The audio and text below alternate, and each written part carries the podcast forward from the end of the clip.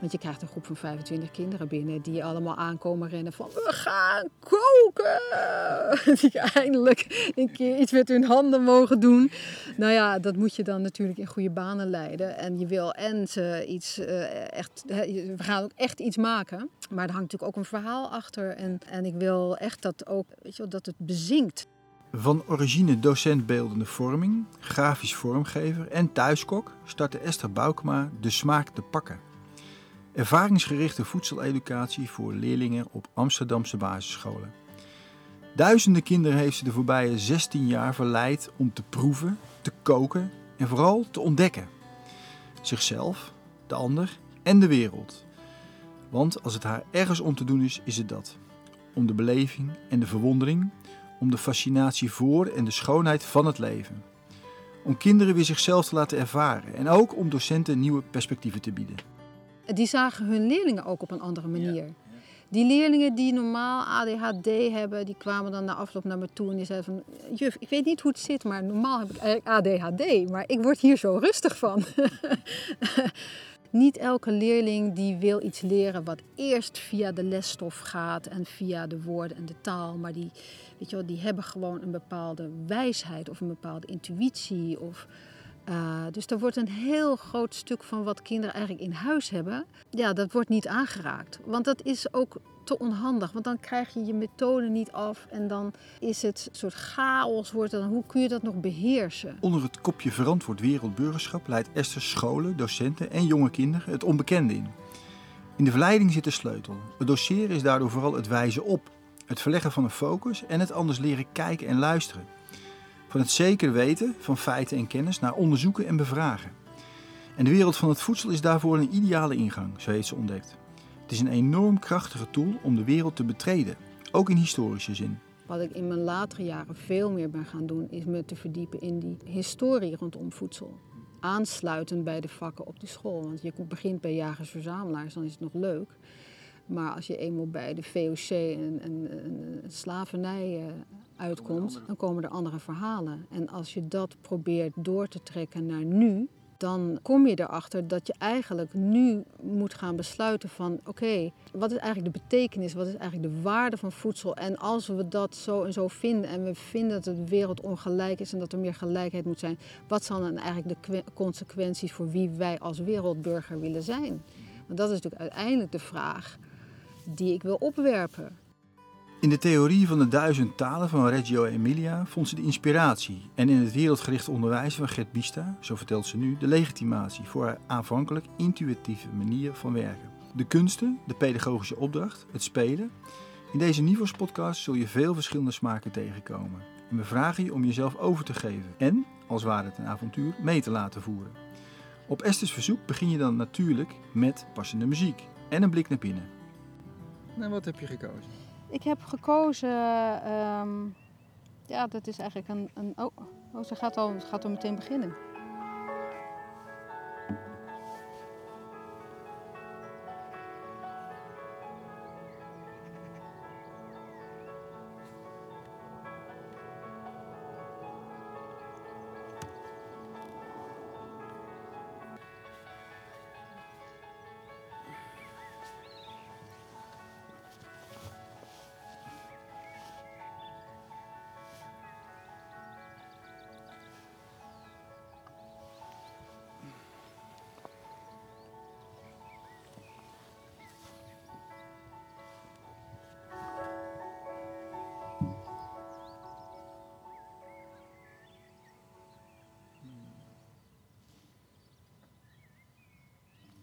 Welkom.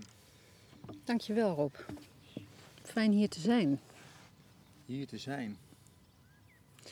Ja, in het drukke, volgebouwde Nederland zitten wij nu toch op een plek met best wel groen, veel groen om ons heen. En vogels. Het was even zoeken. We hebben het gevonden. het is mogelijk. We de juiste signalen maar blijven volgen. Precies. Hoeveel wielrenveld, daar heb ik je naartoe laten komen. En we zitten, ja, we zitten inderdaad helemaal in het groen. Op een plek waar, uh, waar ruimte is, sowieso. De vogels horen we. Mhm. En waar je eventueel ook kan overleven. Niet door het eten van dit gras, maar wel heb ik een blaadje gevonden hier. Die plant die je daarachter ziet, ja, het is allemaal groen, groen, groen, groen, groen. En wat is nou wat? Maar dit is mosterd. dit is mosterdblad. Mhm. Ja, dus er kunnen er behoorlijk haai van worden. Hier op koud. Hier, proef het maar. Ja, Ja. zeker. Even zo naar... In het begin denk je nog, nou gaat wel. En dan Even dat je, het is ook een soort... dan moet je Ah, moet er even doorheen, ja. Even Dan komt hij, Ja. En dan laat je dat een beetje rondzingen in je mond. Die, die... En dan komt bij Dan mij gaat- die herkenning die, van eh, mosterd. Dan komt hij een beetje vrij, ja. Ja. Hij zit een beetje verscholen. Dat is hem. De En hij is ook vluchtig. Het is ook met mosterd. Kijk, dit is natuurlijk het blad, maar het zaad heeft dat natuurlijk ook. Die heeft, als je daarop gaat kauwen, dan krijg je even, dat stijgt naar je neus. En dan heb je echt zo, eh, zo'n, even zo'n sterk gevoel. En dan daarna is het heel snel weg. En op een of andere slimme manier zijn mensen erachter gekomen dat als je dat met azijn combineert, dat je het dan kan binden. Mm. En zo is mosterd ontstaan. Mm. Magisch toch? En dan kun je het in een potje doen. Hoe ben jij erachter gekomen? Ja, meestal begin ik gewoon met eten. en, eh, Maakt niet uit wat eigenlijk. Nee, maakt echt niet uit mond. wat. Ja, eigenlijk al die dingen die we gewend zijn te eten, waar we ons nooit van afvragen waar het vandaan komt. Maar als je dat begint te doen, omdat je met kinderen werkt en je vertelt over eten en je laat ze dingen ervaren, dan ga je zelf ook nadenken van ja, wat is dat dan eigenlijk en hoe ontstaat dat? Nou ja, dan ga je het zelf ervaren, maar je gaat er ook over lezen.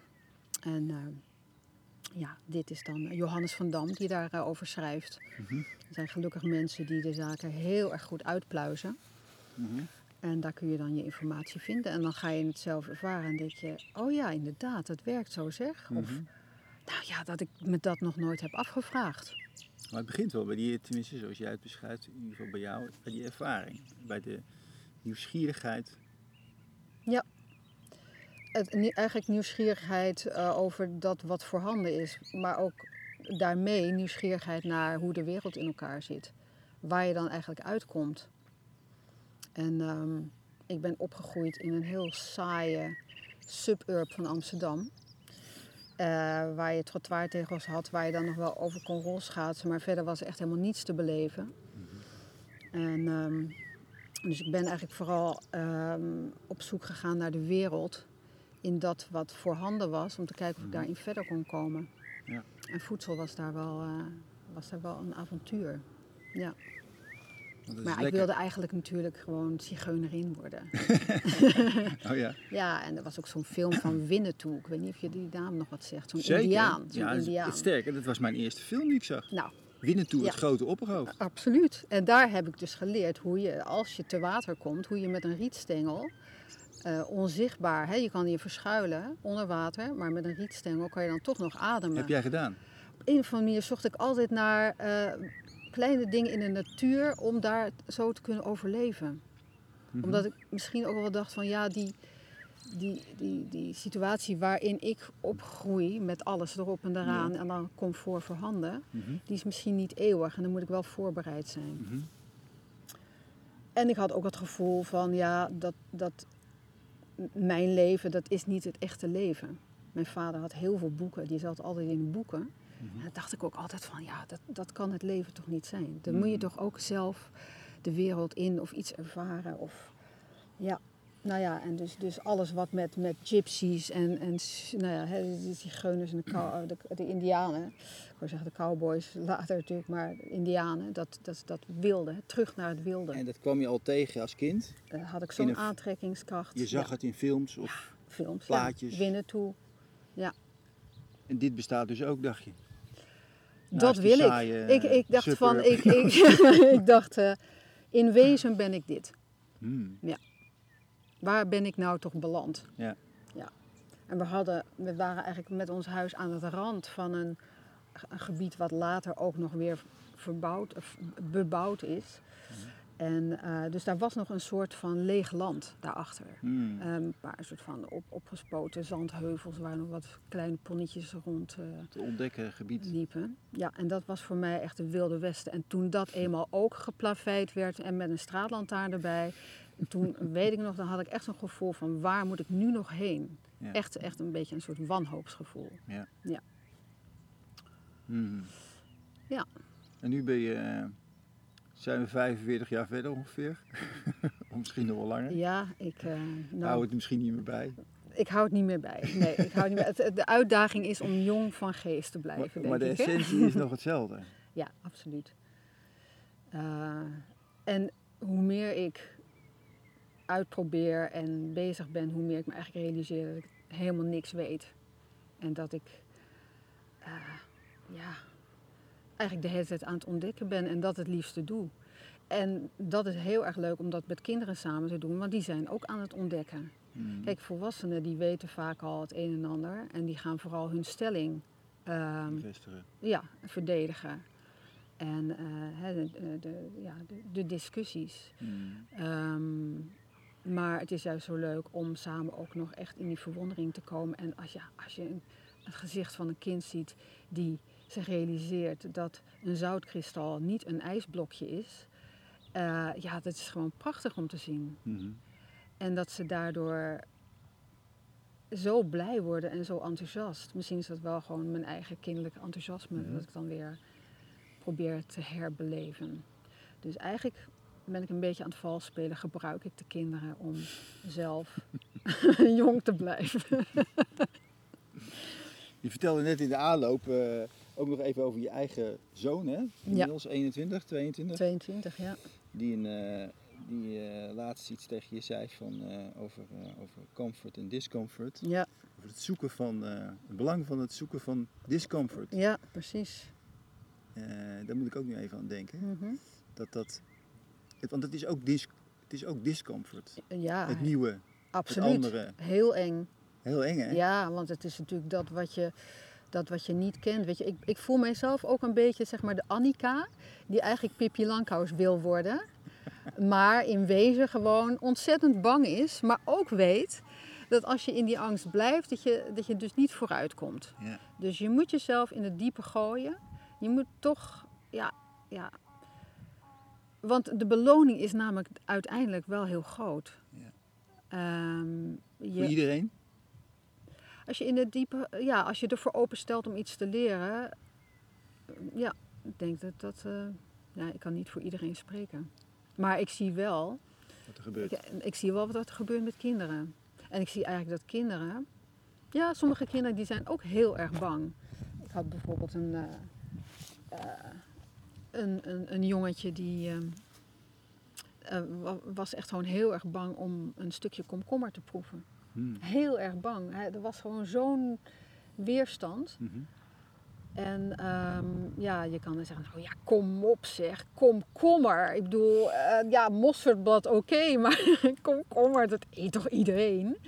Zou je kunnen zeggen. Maar, uh, Neiging heb je misschien ook, veel ja, mensen. Zeker, dat is natuurlijk het eerste wat in je opkomt. Ouders want je moet dat. ook door en Ja. kom op en we hebben geen tijd. En, maar als je het je vak maakt om daarbij te mogen stilstaan en te kijken hoe je hem zover krijgt. Uh, ja, soms kan het ook helpen dat anderen hem voorgaan en dan zeggen van, oh, maar het is eigenlijk heel erg lekker. Um, maar het kan, de overdrijving helpt uh, vaak. Dus ik snij een heel klein stukje komkommer, dat je bijna niet meer kan zien. En dan eet hij dat en dat valt mee. Want heel vaak is het natuurlijk zo dat we zijn bang voor iets wat we in ons hoofd hebben, maar wat in de realiteit gebeurt is ook weer vaak heel erg anders. Ja. Dus dan blijkt het eigenlijk best wel mee te Ik vallen. moet nu denken aan uh, de ouders, en ook mijn eigen ouder uh, heeft dat gedaan. Dat ze eten op het bord uh, naar een dusdanige prakken of door iets anders heen smeren, mm -hmm. zodat het eigenlijk niet meer te zien is oh, ja. inderdaad. Ja. En dat je het dan toch maar eet, ja. die groenten. Ja, ja. Want daar mm -hmm. gaat het dan vaak Ja, over. precies, ja. Kinderen eten te weinig groente en fruit. Dat is Ja, dus het, het beeld wat iets op, oproept, Ja. uh, is weerstand, tenminste bij een, een deel van de mensen. En Ja. dus, dus ja, stoppen we dat zeker niet in de mond, zullen we maar zeggen. Nee, maar wat fijn is met kinderen, die kunnen de e- eerst één moment heel erg weerstand hebben tegen het eten van het een of het ander. En eh, het volgende moment eh, eten ze het gewoon wel. Dus je, je moet eigenlijk niks, je moet in elk moment weer een nieuwe kans zien. Je moet eigenlijk niet denken van, oh, die houdt dus niet van paprika. Maar wat ook zo is, dat, en dat vind ik de magie van het leven, is dat het is niet, het leven is niet alleen maar paprika. Het leven is paprika geroosterd, dus paprika en vuur. Dus velletje eraf, dan wordt die zacht. Paprika met een klein korreltje zout erop. Paprika met een klein beetje olijfolie erop. Paprika met een... En zo ga je doorbouwen en dan krijg je een totaal. En dan krijg je iets magisch. Maar niemand eet alleen maar paprika of alleen maar zout of alleen maar brood. Of alleen maar, nou, brood is natuurlijk ook al een combinatie. Maar, dus dat is eigenlijk heel normaal dat kinderen de dingen op zichzelf soms niet lekker vinden. Maar ja, dan komt het natuurlijk wel aan op de kunst van het koken om de dingen dus heel smakelijk te Ja, maken. Want je, mag als- het, want je mag het ook gewoon niet lekker vinden natuurlijk. Absoluut. Dat een maar, eh, maar het is wel zo dat soms kinderen, als ze, eh, als ze alleen maar het eh, eh, weet je, lekker niet lekker hebben, dan zeg ik van die doen we even in de pauze. Maar gaan we nu proeven, wie herkent nog die, eh, dat basilicum dat we erin hadden gedaan? Of wie herkent het scherp? Of weet je, van, ga, ga Ja. technisch proeven noem ik dat. Dus dan zetten we de emotie even in de pauze. Ja. Niet van je mag dat niet eh, lekker of vies vinden. Maar eh, ga even daar voorbij. Eigenlijk ga daar even boven hangen. Boven je, ja, je, je, je weerzin of je, eh, je afkeuring. En ga gewoon even kijken. Eigenlijk leid je ze naar een onderzoekende houding. Ja, eigenlijk is het gewoon Toch? de hele tijd verleiden. Verleiden. Ja, verleiden. En daar heb ik duizend en één methodes voor gevonden. Ja? ja, en het, is ook, eh, het blijkt vaak ook heel makkelijk te zijn hoor. Grote ben je. Ja, de grootste verleider. Maar soms heb je het helemaal niet zo'n groot verleid, verleidtruc nodig om ze zover te krijgen om iets uit te proberen. Ehm, want ze willen eigenlijk wel, ze willen graag leren en ze willen ehm, Ontdekken. avontuur. Avontuur. Ja, dus moeten niet natuurlijk. Hè? Dus Nee. dit moet je opeten. Het is allemaal avontuur. Ja, het is avontuur. Je Ja. legt het, in, je legt het Ja. in, een, in een soort context van avontuur. We gaan iets beleven. Ja, en, ehm, en zeker eh, niet langs de ge- gebaande paden. In de zin van, oh ja, we krijgen nu een lesje. Dan gaat de juf heel lang van alles vertellen. En dan moet ik opletten. En dan, moet ik, dan heb ik daar een schriftje. En er staan dan opdrachten. En die moet ik dan maken. En dan is daar een goed of een fout antwoord. En dan heb ik het goed of slecht gedaan. Eh, het gaat heel anders. Ik probeer, ik probeer ze eigenlijk met iets te inspireren wat eigenlijk ook heel persoonlijk is. En, en dat doe ik op een manier die hen verrast. Dus eh, ik breng ze eigenlijk op het verkeerde been. Eh, dus de dingen die ze denken te kennen, kennen ze niet. En dan leid ik ze langs een heel ander pad. En dan uiteindelijk hoop ik dat, dat ik hun ervaring een beetje kan omdraaien. Dat hun wereld even op zijn kop, eh, dat je de wereld even op zijn kop Even bekijkt verwarring. even verwarring. En dan gaan ze, omdat het gelinkt is aan die ervaring, gaan ze daarna nooit meer vergeten over de mosterd en dat mosterdblad. En nou, dat ze dat vies vonden enzovoort. Heb je het zelf... eh, door, is, zijn er mensen in, jouw in jouw verleden die, dat, die jou daar zelf in hebben verleid? Of Ehm, contexten waarin je eh, nu misschien aan terugdenkt van... Ja, daar, daar gebeurde het eigenlijk. Daar werd ik verleid. eten was wel altijd heel erg belangrijk. Goed eten. En mijn moeder kookte heel veel, kookte ook veel voor gasten. Dus eh, de geur van thuis, van dat het ruikt lekker en eh, er is ambachtelijkheid. Je kan iets met je handen maken, dat kan je ook nog opeten. Gaf mij ook ergens een soort, misschien was dat ook wel een anker van veiligheid, Hmm. denk ik. Ik, doe ook, ik ben ook het liefste als ik ergens nieuw aankom, dan wil ik ook het liefst vaak eerst even iets eten Hmm. om, om weer even te aarden. om weer even het tastbare te voelen. Mm. Ja, tas, het, het, echte, het echte spul, zal ik maar zeggen. Hmm. Dus er was veel eten, er was veel creativiteit. En die twee, die combinatie van die twee, ehm, ja. En voor de rest de natuur, In, in, in de meest brede zin van het woord. eetbaar graag. Oh, ja. Ja, je kijkt naar alles of het eetbaar is eigenlijk. Of Ja, zo ben ik wel. Je, doet, probeer Ja. het gewoon. Nee, dat is, eh, ja, nee, ik- het is wel als ik een wandeling maak, dan, dan probeer ik wel om me heen al te registreren van, oh ja, daar groep dat, daar groep Ja. dat. En, oh, ja, dus het is, dat wordt een soort. eh. Brood uh, groeit niet in een weiland, Rob. dat vloek ik in de kerk inderdaad. Hè? Maar, brood. Niet het brood wat ik bedoel in ieder geval. nee.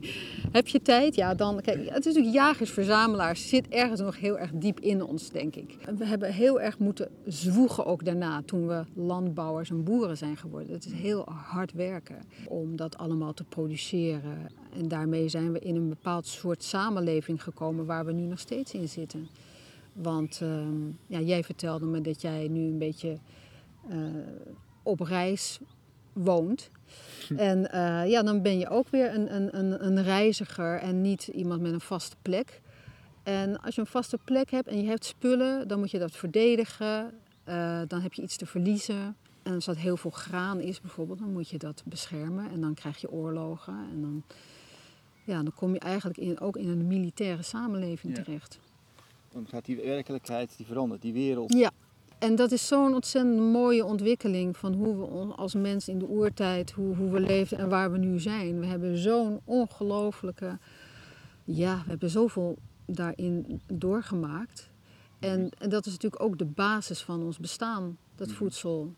Dus dat is ook wel de reden dat ik bij het basisonderwijs terecht ben gekomen. Dat voedsel is de basis van, van wie we zijn. Daar hangt alles aan. Mm en, uh, en toen eenmaal mijn zoon op school ging en um, ik had toen een huiskamerrestaurant en was bekend dat ik uh, veel uh, ook kookte en met, met, eten deed, werd ik gevraagd om een proef te doen met kinderen. om ze in de pauze ja, te verleiden tot anders eten en daarover te praten. in het kader van gezondheid natuurlijk, gezonde lunches en zo. Ja, waar was ik nou ook weer? Nu ben ik afgeleid. Nou, dat is de richting waarin jij ja. ingetrokken wordt. Hè? Misschien ja, door de, oh, ja. de gezondheidskant van het voedsel. Daar begon het. Daar begon het uh, uh, nou ja, daar, zeg maar, als je een kind uh, krijgt en je moet opeens voor een ander wezen zorgen, ja, mhm. dan heb je elke keer de keuze van wat geef ik mijn kind. Mm -hmm. Nou ja, en als je dan ook geconfronteerd wordt met je kind gaat het onderwijs in mm -hmm. en die leert van alles. Mm -hmm. Maar ik zag eigenlijk dat ze zo weinig, hè, dat voor mij dus al die voedsel, die rode draad, ja, dat, dat zag ik alleen maar in een heel versplinterde vorm.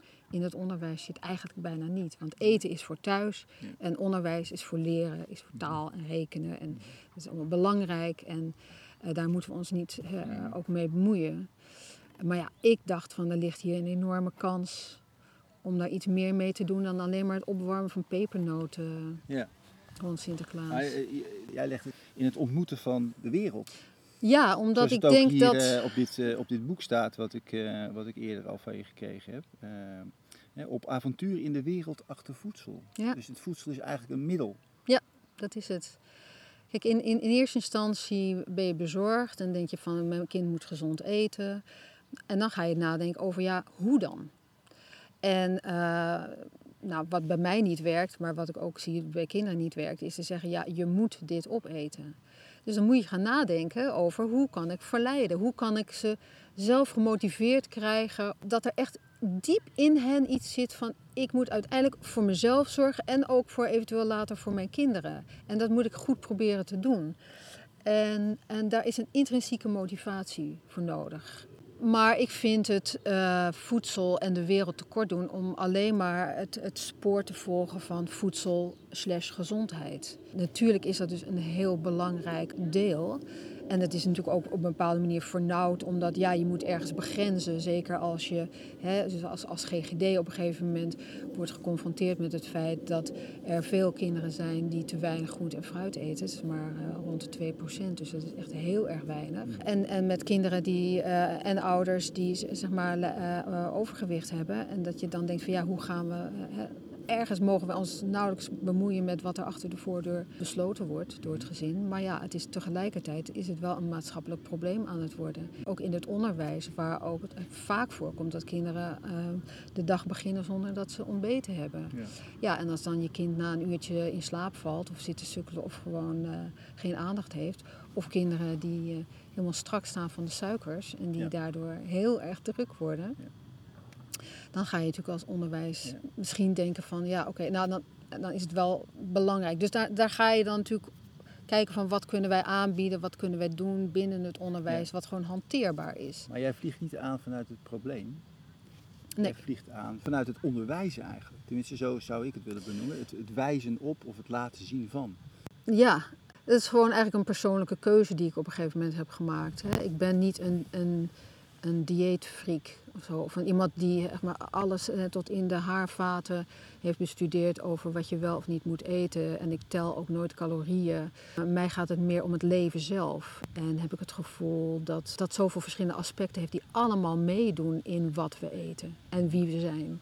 Het is niet alleen maar de gezondheidsdienst. Maar het is natuurlijk heel prima dat daar aandacht voor is op de scholen. Dat, eh, en dat, dat daar groente en fruit wordt aangeboden. Dat vind ik echt eh, prima. Dus het sluit heel mooi aan. Maar ik zou zeggen, daar waar eh, de gezondheidsprogramma's op de school stoppen, daar pak ik het op. Dit doe jij onder het mom voedseleducatie. Maar eh, het is veel meer dan dat. Dat wordt natuurlijk ook wel duidelijk eh, wat je nu in je verhalen die je nu vertelt. Maar ik, ik zie ook dat eh, de kunsten Ja. en, en, de, en de pedagogische vraag of de pedagogische houding, dat die daar gewoon eigenlijk integraal in aanwezig zijn. Dus eh, daar kun je het nu over, ook over hebben, zullen we zeggen. Nou, ik ben zelf begonnen met een opleiding eerste graads eh, leraar tekenen. En toen eh, kwam de stageperiode. En toen ging, had ik een plan om het helemaal anders te doen. en toen zei een docent tegen mij, die zei, joh, ik zie dat je veel vuur in je hebt en dat je de dingen anders wil doen. Maar jij zal zien dat als jij eenmaal voor de klas staat, dat je in een korte tijd gewoon je vaste lesjes hebt en dat uit de kast trekt. Zo. En dat was voor mij het punt dat ik dacht, oké, ik ga niet het onderwijs in. Nee, dat klinkt niet eh, als een verleider. nee. nou, ten eerste dacht ik natuurlijk, nou ja, eh, no way, dat gaat mij niet gebeuren. Maar ik had wel ook het gevoel van, ik moet misschien zelf eigenlijk eerst maar eens even het leven intrekken voordat ik anderen ga onderwijzen. Want wat weet ik nou eigenlijk zelf? Ik weet zelf eigenlijk helemaal niks. Maar goed, vervolgens ben ik eigenlijk via die opleiding ben ik op de kunstacademie terechtgekomen. Heb grafische vormgeving gedaan. En heb allerlei boeken gemaakt over eh, nou, cul- cultuur en eh, ecologisch denken, de relatie mens-natuur. Dat was wat we altijd, altijd bezig hield. Maar in wezen zit daar natuurlijk in anders kijken. Hoe kijk je naar de wereld? Naar de buitenwereld, naar je binnenwereld. Wat is verbeelding? Wat is beeldvorming? En dat, dat zijn allemaal zaken die ik zo tegenkwam bij die kinderen. Die hebben een bepaald beeld ergens van. En op grond daarvan wil je wel of niet iets proberen. Eh, dus op het moment dat je anders leert kijken, kun je ook anders handelen. En kun je openstaan. Ja, eigenlijk in wat ik doe zijn die werelden samengekomen. Die wereld van de creativiteit, van de kunsten, van jezelf uiten. Van een podium te kunnen creëren van wie je eigenlijk zelf bent. En met al je vragen en je dilemma's zonder het goede antwoord te weten. Gewoon het onderzoekende. En ik, ik hou heel erg van, van kleur en ik hou heel erg van papier en van dingen opschrijven en van kernwoorden. Maar ik miste op een gegeven moment dat je het niet kan opeten. Dat- ja. ja, Ja. en dan kom ik dan toch weer bij die echte wereld. Hè? Het echt in je lichaam innemen. Eh, Door ja. je lijf heen laten Door je, gaan. maar niet door je lijf. Je wordt dat. Het Ja. is je voeding. Het is, Je wordt er één mee. ja. En de argeloosheid en de onoplettendheid waarmee wij gewoon, laten we zeggen, eh, eten in, eh, als, als van een motor waar af en toe wat benzine in gegooid moet worden. eh, wel naar een soort verlangen naar iets, hè, suiker of iets, ja, honger of iets. Er moet iets in, maar daarmee kun je ontzettend veel sturen. Dus je hebt een ongelooflijk krachtig gereedschap om de wereld te, te betreden. Mhm. En daarvan denk ik van ja, als ik dat jongeren kan meegeven. Ja. Dus het is inderdaad, het is niet het doel. Gezonde voeding is niet mijn doel. Het is eigenlijk gewoon de, de, de paraplu, de fantastische paraplu, de leidraad waar langs we lopen. En daar valt dan van alles te eten en te koken en te experimenteren, zodat het verankerd raakt. Ja. Want anders vervliegt het. En dan hebben ze het leuk gehad. En dan, oh ja, we hebben ook wat lekkers gegeten. Maar het moet wel ergens over gaan. Ja. Dus het moet wel leiden tot vragen wie ben ik in de wereld, wat eet ik, wat is mijn leefomgeving. We zitten hier ja, nu lekker buiten. Daar leeft van alles. Maar wij als mensen begeven ons doorgaans in steden waar weinig groen is. En waar groen eigenlijk verworden is tot een soort van groen decor. Dat zijn al bijna niet meer, dat ze zeggen, natuurlijke processen die we daarin zien. Maar we zien, ja, het is, het is vaak ook onhandig. De blaadjes vallen van de bomen en het grasveld is nat. Uh, het groeit alsmaar door. Zag jij op weg hier naartoe ook dat bord van die school die hier uh, in Haarzuilens... Uh, had een, had een affiche aan de weg staan, de Sint-Bonifatiuschool. En die, en die kwam met want dat gebeurt tegenwoordig met scholen, die hebben ook slogans. Oh ja, ja. dat ze vooral een groene school waren. Oh ja. En dat de natuur daarin een belangrijke uh, plek heeft. Uh, kleine scholen ook. Ik zat net even te kijken, verder gezocht van wat voor school het is. 70 leerlingen, dorpsschooltje. Ja. Mm -hmm. Klein en fijn. Ja, heerlijk. En, uh, Zullen we terug naar school op? Ja.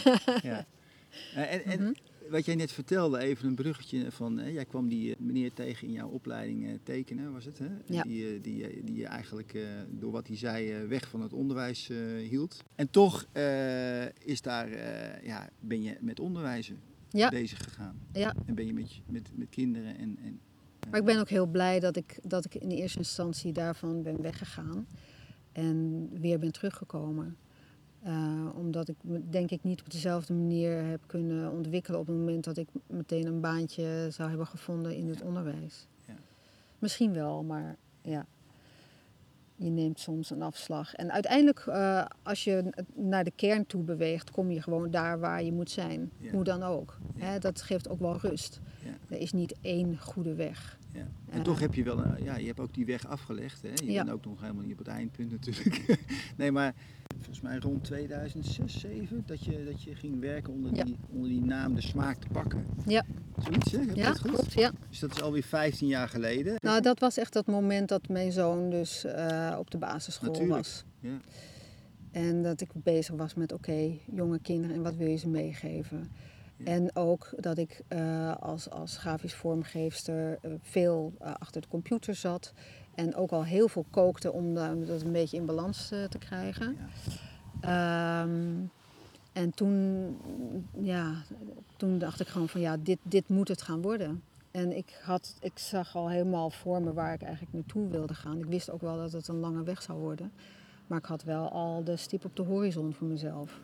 Ja. Namelijk om te laten zien dat je in steden eh, die druk en vol zijn, eh, plekken kunt creëren waar je eigenlijk door, door miniatuurervaringen eh, te delen en het erover te hebben en daar zeg maar, ook op een creatieve manier een vorm te geven, dat je kinderen kunt inspireren om daar in de wereld en zichzelf eh, te ontdekken.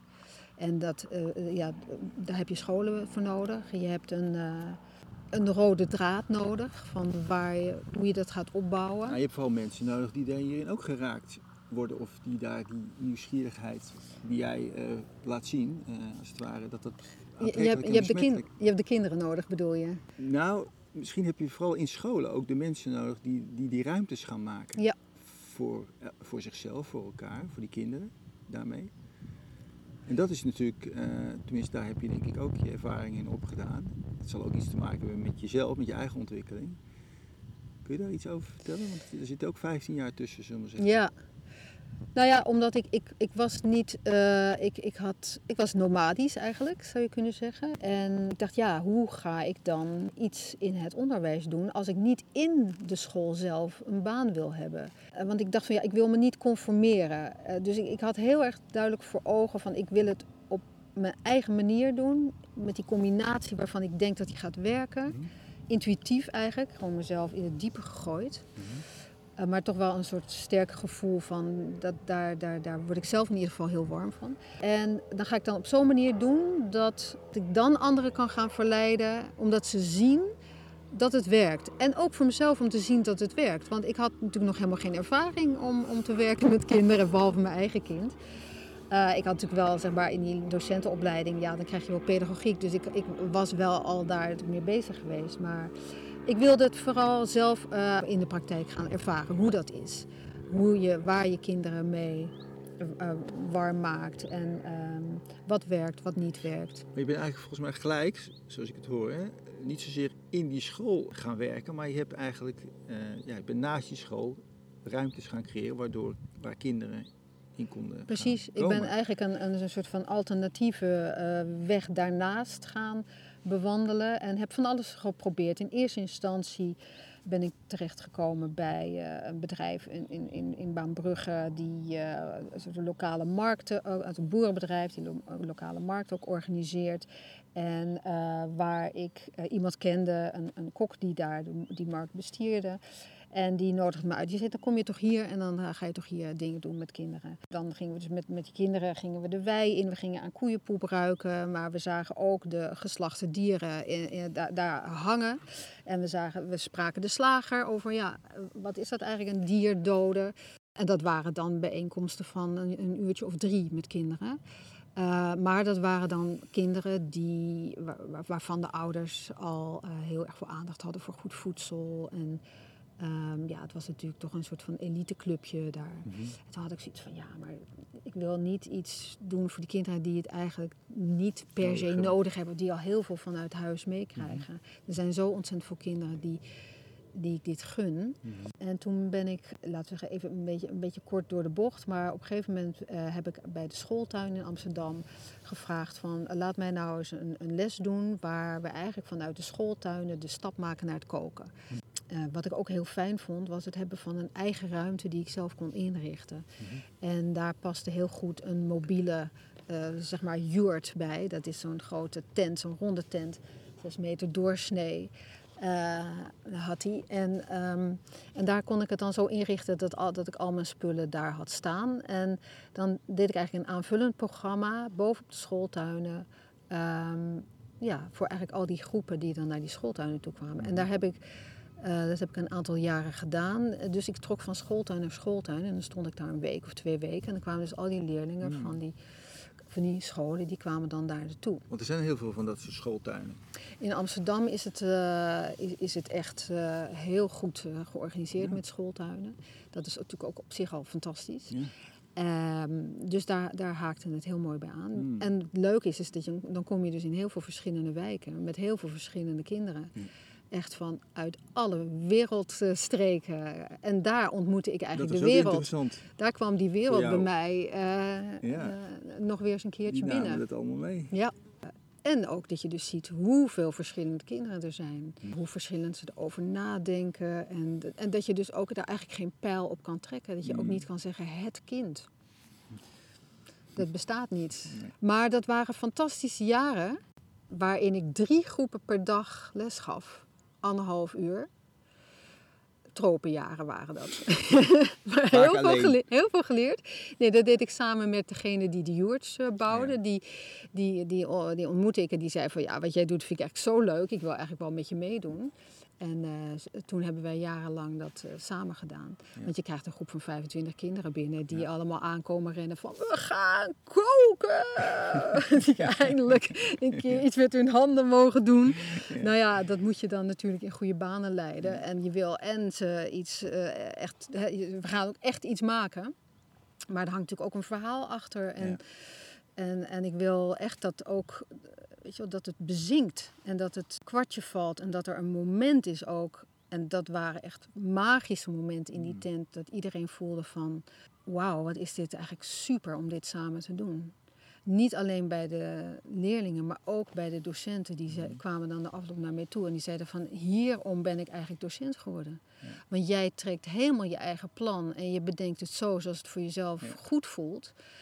En je maakt een mix van weten en ontdekken en, en op het verkeerde been en ervaren. En, maar ik, ik, ik hoefde na, na afloop niet allerlei uh, notities. Ja, ik, ik maakte wel notities, namelijk over wat werkt, ja. wat werkt niet en, en wat spreekt aan. Want dat, dat was natuurlijk. Maar die docenten die, die, die, die stapten er ook in? Die waren soms echt tot tranen toe uh, ja. geroerd, stonden ze daar van wauw, dit is. Die zagen hun leerlingen ook op een andere manier. Ja, ja.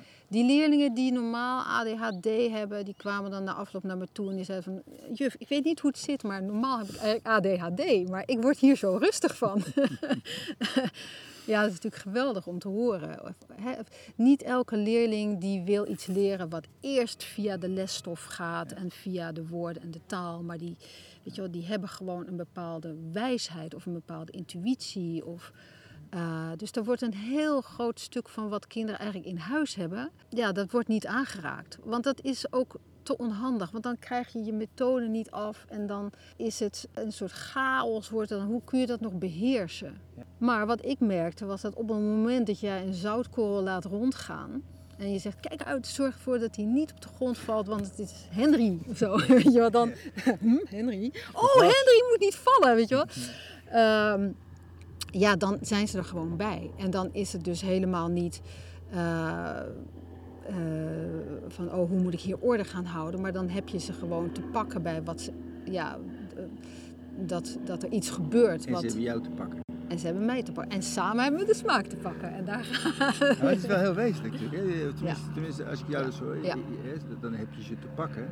Maar je zit er zelf, Ja, het, het is een... eh, als ik het zelf niet kan doen, dan... Nee. dan dus dus eh, laat je ook echt... eh, ik heb ze nodig Ja. eigenlijk om voor mezelf dat stuk wat ik zo graag wil blijven oefenen, namelijk zelf elke keer weer in het moment me te beseffen wat voedsel is. Ja.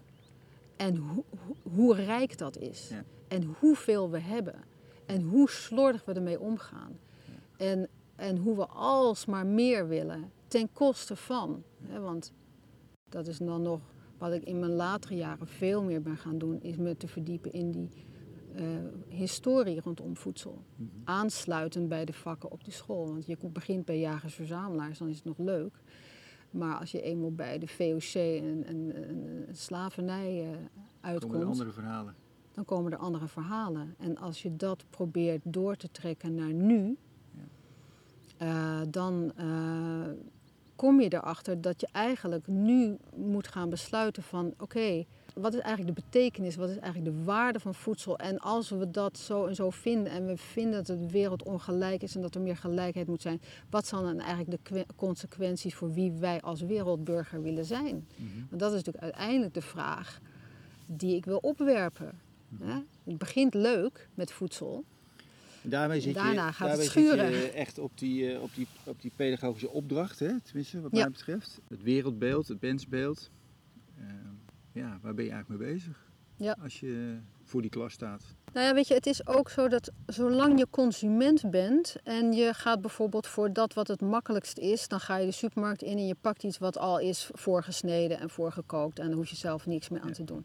Op het moment dat je zelf gaat koken, moet je al meer beslissen. Wat ga ik eigenlijk kiezen? En in eerste instantie denk je dat dat gemak de beste route is. Of goedkoop is de beste route, want dan heb je meer. Ik heb wel eens met kinderen een, eh, een drankje nagemaakt uit de supermarkt. Ik, ik, ik zei van je hebt nou ja, zeg maar 2 euro of zo, je gaat de supermarkt in, wat ga je kopen? Ja. Nou, ik had een aantal producten neergezet waar ze dan uit konden kiezen, want we hadden geen mogelijkheid om de supermarkt ook in te gaan. En dat ging allemaal rondom ananas. Dus het ging over verse ananas, het ging over voorgesneden ananas, het ging over eh, en de wiki, zo'n zo'n drankje met ananas, hè, grote ananas op de verpakking. Nou, ze kozen allemaal de wiki. Want waar voor je geld? 75 cent, anderhalve liter. Zullen we nu zelf proberen de wiki na te maken? Nou, oké, wat zit erin? Achter het etiket, etiket. Dus van de voorkant, hè, verleiding, grote ananas en misschien mango nog, ga je naar de achterkant en dan zie je dat er 0,002% ananasconcentraat of zoiets in zit. Nou, oké, gaan we maken, weet je wel. Dus ananas uitpersen eh, met een heel klein pipetje, met een heel klein, eh, weet je wel, microweegding. Een druppeltje ananas. Nou, oké, oké, wat hebben we nog meer nodig? Nou, water. Oké, we willen water. Ja. We hebben meer nodig. Zoetstoffen, suiker. Nou, oké, jongens, suikerklonten eh, fijn malen. Ja. Nou, toen hadden we dus een enorme berg suiker. Een heel klein druppeltje ananas. Ja. En veel water en roeren. En dan nog een kleurstof erbij. Het leek er precies op. Het was ook lekker zoet. En toen zag ik echt bij die kinderen... Nou, ze waren gewoon boos. Hmm. We worden hier gewoon opgelicht. Ja. En ze vonden het nog steeds wel lekker. Ja. Hè? Dus dat zagen ze ook wel. Van, maar ja, daarna kijken ze natuurlijk op een Klopt, hele andere manier naar die wiki. Dus hoe word je, hoe steek je over naar, naar ja, meer bewustzijn rondom voeding. En eigenlijk ook je te realiseren dat je er nooit bij stilstaat. Ja, dat je moet, ga, je dan nadenken over, oké, wil ik dat dan eigenlijk wel en, en wat dan niet. En dat vind ik, dat, dat moet onderdeel zijn van uh, een opvoeding van kinderen. Ja, want je, ze gaan zichzelf die vraag stellen, waarom staat dat eigenlijk dan, dat pak zo op die manier en in, wat, in, in deze wereld? Hoe is dat? Hoe is dat Precies, maar wat doen ze ook om ons te verleiden om dat te kopen? Ja, ja. Prijslaag, heel... mooie plaatjes, dus je komt helemaal over op de marketing en op je, hoe daar eigenlijk gemanipuleerd wordt. En kinderen, als ik dus, eh, dat heb ik wel gevraagd van, oké, dit was de laatste kookles, je gaat nooit meer koken in je leven, echt nooit meer.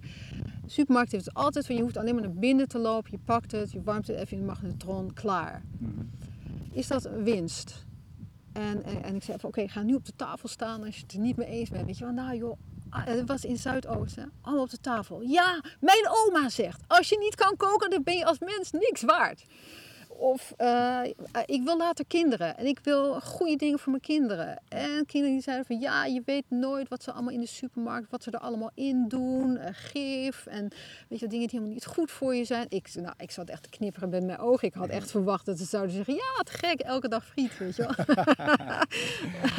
maar dat was dus niet zo. En toen dacht ik, oh gelukkig nog. Gelukkig nog. Maar we denken dat dit soort dingen vanzelfsprekend zijn, maar dat zijn ze niet. Je kunt het kwijtraken.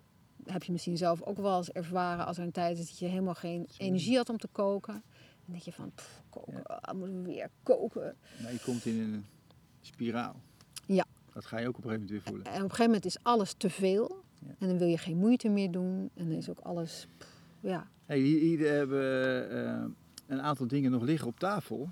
Uh, die jij had meegenomen. En, uh, en het eerste wat ik had ook van jou had gekregen, dat was dat boek waar ik al eerder over sprak.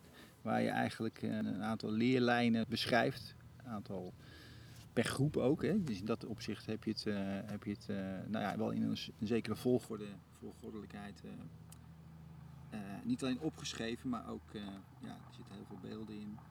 Uitnodigingen, en het is ook echt uh, breder uh, ingezet. Hè? Dus het gaat niet alleen maar om koken en het voedsel zelf, maar het is in, ingebed in een, in een, ja, in een wereld ja. die, die, erachter zit. Ja, het is ingebed in cultuur. En, en het is ja. met name ontstaan, tenminste zo staat het erboven, uh, rondom je ervaring op de Lucasschool in West is het hè? ja, in Osdorp zitten ze, ja. Osdorp. Ja, Amsterdam. Want dat is dus het punt waar jij kan je dat zo zeggen, waar je, waar je nu zit om, ja. om dit... Uh, ja, je hebt er natuurlijk altijd maar in dat veld gestaan. En dat is ook heel gaaf. Mm -hmm. ja. Maar, of maar, ja. Ja. Toen bestond er nog geen podcast, maar als ze wel hadden bestaan, dan had ik dacht, Ik heb vaak gedacht, oh, het moet hier gewoon een, een, een microfoon hangen van wat die kinderen zeggen. Het is echt geweldig. Ja, want beelden inderdaad. Hè. Zijn er veel beelden gemaakt? Ik heb heel veel foto's. Maar ik je heb duizenden, foto's. Ja, duizenden foto's. Maar je hebt ook duizenden kinderen. Uh, ja, duizenden In de Joet en op al die plekken gehad. op allerlei plekken. Ja, absoluut. Dus er zijn duizenden heel verhalen. Heel veel materiaal. Ja zoveel, ja, zoveel verhalen. Maar ja, elke keer uh, ja, ging ik toch weer van de ene uitdaging naar de andere. Om een lang verhaal kort te maken, op een gegeven moment dacht ik van ja, dat rondreizen in de yurt, dat is ook wel heel erg vermoeiend. En bovendien had ik ook het gevoel van ik moet partnerships aangaan met andere organisaties, zodat we de verschillende aspecten van voedsel mooi kunnen aanvullen. Dus met de Hortus Botanicus, die natuurlijk over de tropische producten, um, boerderij-educatie, de schooltuinen, maar ook de GGD. En als we nou kijken uh, wat wij uh, allemaal al doen en we kunnen dat aan elkaar koppelen, dan kunnen we een integraal programma aan de scholen gaan aanbieden. Dus we zijn om tafel gaan zitten en uh, we hebben een, een, soort programma opgesteld. En dat heet Mijn Eten. En dat had een menukaart. En dan konden scholen kiezen wat ze daarvan gingen doen. En dat was op zich in theorie een heel mooi project. Alleen de scholen die hadden moeite om tijd vrij te maken om het hele project van de Hortus te doen, daarna het hele project van de GG. Weet je, dan heb je echt maanden nodig. En, uh, en logistiek was het ook heel lastig om die zaken zo te plannen dat het allemaal uh, binnen diezelfde periode zich afspeelt. Dat je het toch nog als één totaal mm -hmm. kan beleven. Mm -hmm. En um, dus er is een beetje de klad ingekomen. Bovendien, het waren ook allemaal instituten die zo hun eigen programma's hadden. Mm -hmm. En uh, um, ja, misschien ook niet per se zo een verbindende rol wilden spelen. Gewoon vooral hun eigen ding deden. En ik heb mij altijd de, de verbinder gevoeld. Nou ja, op een gegeven moment uh, had ik zoiets van... ik vind het fijn om een vaste plek in de stad te hebben. Daar heb ik, uh, die heb ik gevonden bij de stadsboerderij Osdorp. Daar heb ik een leslokaal ter beschikking met een tuin daaromheen. Ik dacht, dit is een mooie basis om van hieruit scholen uit te nodigen. En daar is een groot avontuur met één school begonnen. Wat er nu in resulteert dat ik um, een heel programma heb geschreven om samen met scholen dit echt zeg maar, breed in te zetten. Ja. Ik toch nog een, uh, want uh, we zijn al bijna een uur aan het praten. Nou ja, en, uh, we hebben weer een andere afspraak en volgens we mij. Ook, we zitten ook in een soort programma. nee, maar toch nog een, een, een, brug. Het werk van Gert Biesta. En, wat ook, waar wij vanuit Nivos ons ook mm -hmm. nou ja, toe willen verhouden en ja. in gesprek mee zijn en het wereldgericht onderwijzen. Het, jij kreeg er ook een beetje mee te maken via, een, via de vormgever van het, het boek wat recent uit is gekomen. Ja. Die in, in de praktijk, ja. dus je hebt er wat van gelezen misschien wel. Ja, zeker, zeker. Het leefde al ook in jou met, met de begrippen die hij daarin opvoert. De drie, ik noem de drieslag kwalificatie, socialisatie en uh, subjectificatie. Maar ook de, de drie, ja, ik noem het interventies, onderbreken, vertragen en ondersteunen. Wat betekent het voor jou als jij, als jij hem leest? Ja, uh, voor mij is het gewoon ontzettend fijn om te lezen. Uh, mensen die heel goed kunnen verwoorden waar ik altijd naar op zoek ben ge geweest en wat ik heb geprobeerd handen en voeten te geven. Uh, dus het, dat is een feest van herkenning. En, um, en ook uh, voor mezelf uh, ja, dan een soort van teken van je zit op de goede weg. Want dat is natuurlijk, ik heb voor mezelf het besluit genomen van oké, okay, ik ga dit pad volgen. Uh, maar het, het, was natuurlijk ook wel een, een heel uh, ja, zeg maar risicovolle onderneming, omdat je geen enkel instituut achter je hebt.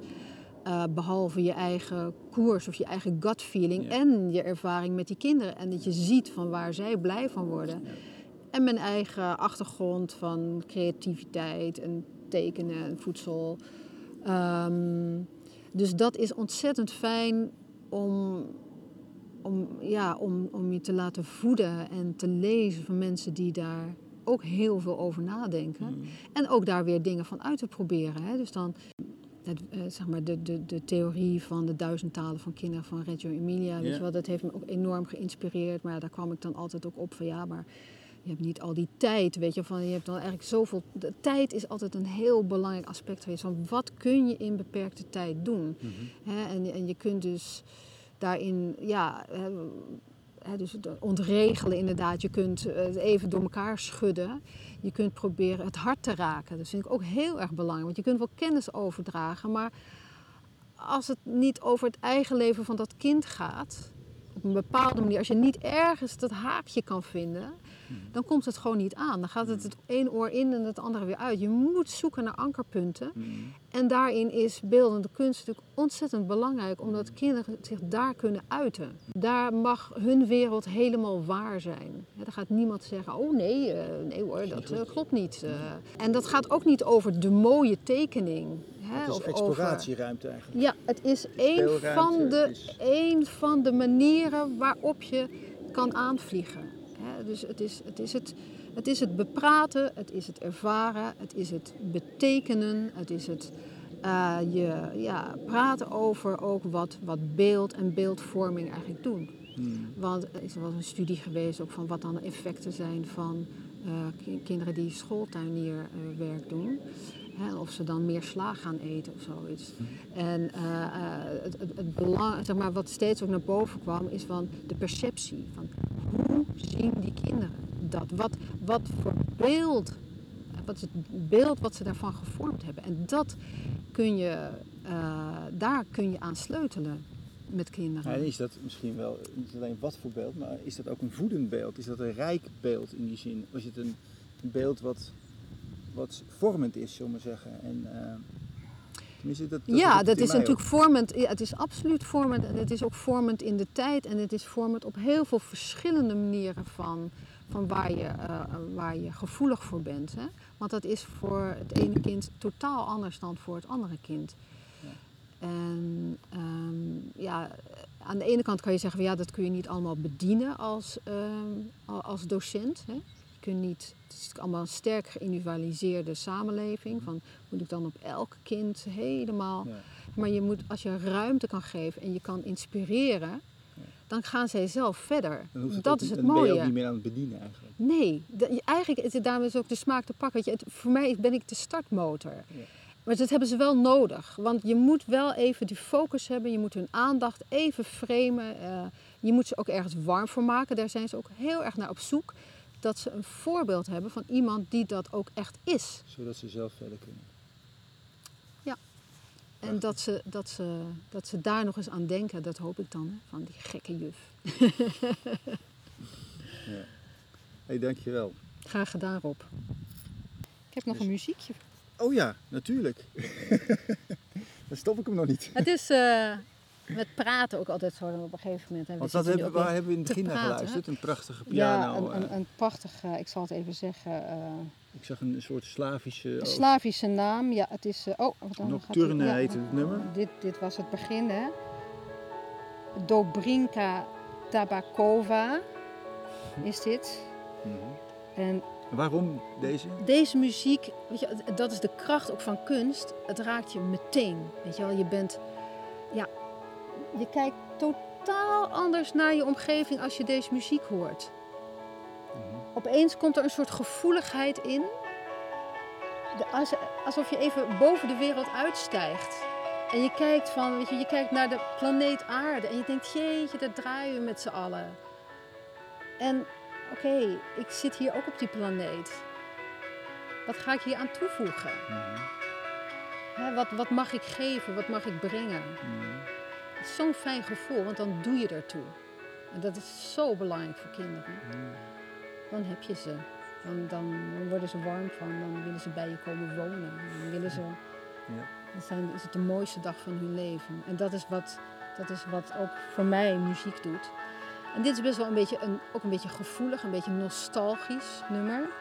Maar ik hou ook van een beetje circusachtige muziek. Dus ik ga nu even over naar het andere nummer. Mhm. Dus ik ga dit heel oneerbiedig eventjes... Auw. Sorry, sorry, nocturne. Het was ook nacht natuurlijk. hè. Oké, dan.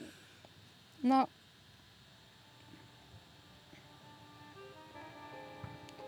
Dat is ook nog niet per se meteen heel vrolijk, maar dit is meer overpeinzend en. Dit is eh, Paolo Frissu, Frissu. Hier gaan we op pad. Ja? We trekken erop uit. Knapzak mee. Wat zullen we erin doen, Rob? Krijg jij al trek? tegenkomen. Ja, dan groeien hier geen broden aan de bomen. Hmm. Ja, dan moeten we het toch met, die, eh, met dat mosterdblad gaan doen. Maar dat maakt niet uit, want we hebben elkaar. En eh, we ze hebben een vrolijk gemoed. Ja, er zit een goede het een, eh, spirit in. komt goed. Het is lyrisch een beetje. Het is een beetje omhoog zo. Ja, je moet nog wel af en toe uitkijken voor een glibberig paadje. Ja. Maar we houden elkaar bij de les. Ja, hè? Ja, absoluut. Ja. Ik, ik denk ook altijd dat het bodemleven hier ook blij van wordt. Dat het pissenbed die nu daar heeft zitten meeluisteren, die denkt, hé, hé, hé, eindelijk muziek. en dit is ook de kracht van verbeelding. Weet je, het is, ja, dit is natuurlijk helemaal niet waar. Maar het maakt mij blij. Ja, die roept, eh, die roept Huh? veel op, ja. Beelden, Ja. sferen. Dat En dan is ook alles grappig. doet. Dus we hebben het nog niet over humor gehad. Dat is eigenlijk de kern. Kijk, die vlieg die daar zit. Die is ook aankomen vliegen. Verdorie. Nou, nu moet ik toch eventjes die vlieg die daar is aankomen vliegen. die zie je dat? Ik moest ook één denken, net terwijl je aan het vertellen zat, aan het voorbeeldje van wat, wat volgens mij veel vaker voorkomt. Dat zo'n kind bijvoorbeeld, die snijdt zich aan in een vinger. Gebeurt bijna nooit hoor. Dat doen alleen de ouders, want die hebben haast. En die dan, je, weet je wel, komt van, oh, weet je wel. En dat je dan die aandacht zo, zo kan, ver, Ja. kan verleggen. Van, Ja. Kijk nou. Ja, zo ziet bloed eruit. Wauw mensen, Wauw. Hoe, hoe smaakt dat? en wauw, wat gebeurt dat? Hoe voelt dat? Ja. En, en dat je ze ineens in een hele andere Alles is, ervaring... eh, alles doet mee. Alles resoneert mee. Er is niet iets wat uitgesloten is. Maar dit is ook van de planeet. We zitten er allemaal op.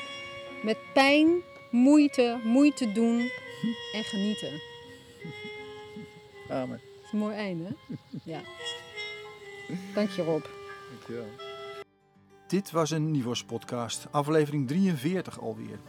Wil je meer weten over Esther's werk, horen en lezen, dan kun je naar de website van De Smaak te pakken en contact met haar opnemen.